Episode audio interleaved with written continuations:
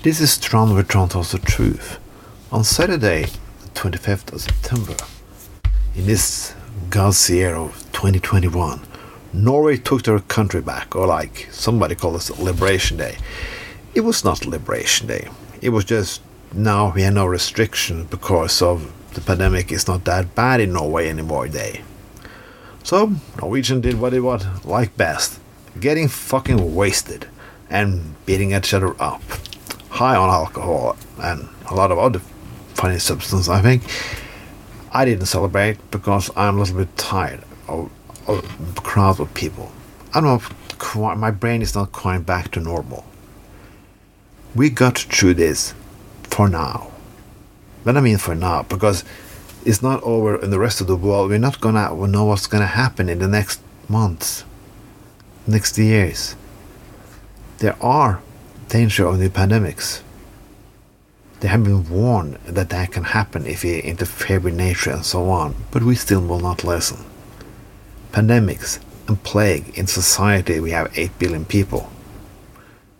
Many people with too much weapons, and a lot of people with good conspiracy theorists. Yes, religious fucking nuts and morons. We living in a generation has the ability to stand up and fight. But you know what happened? Everybody talking about fighting and do things and sharing things on Facebook. But when it comes to election, they don't vote. The Green Party could have done a lot better election in Norway. But they found out that many of the, voters didn't think it was nice to show up on election day because somebody else will do the job for them. That is a fucking problem in politics. We don't m- meet up to vote because we think somebody else is going to do something for them. Do you know who don't think like that? Yeah, conservatives. They can be a minority and still be the majority because the voters go out to vote. We have a crisis in the, in the environment.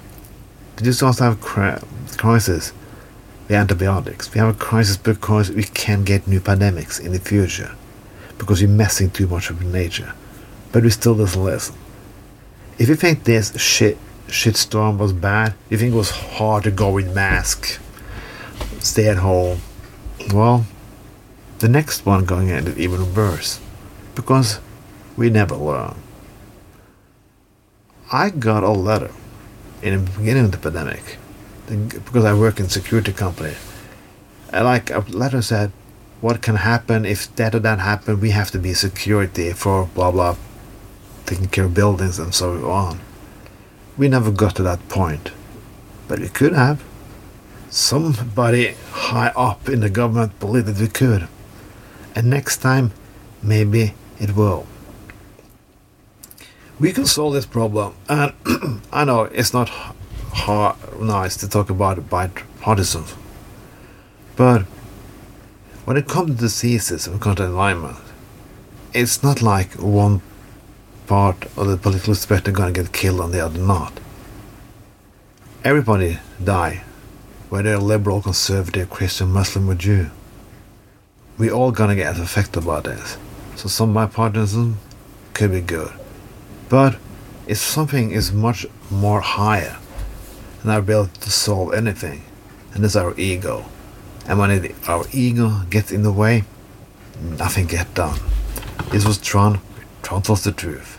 So next time, don't die.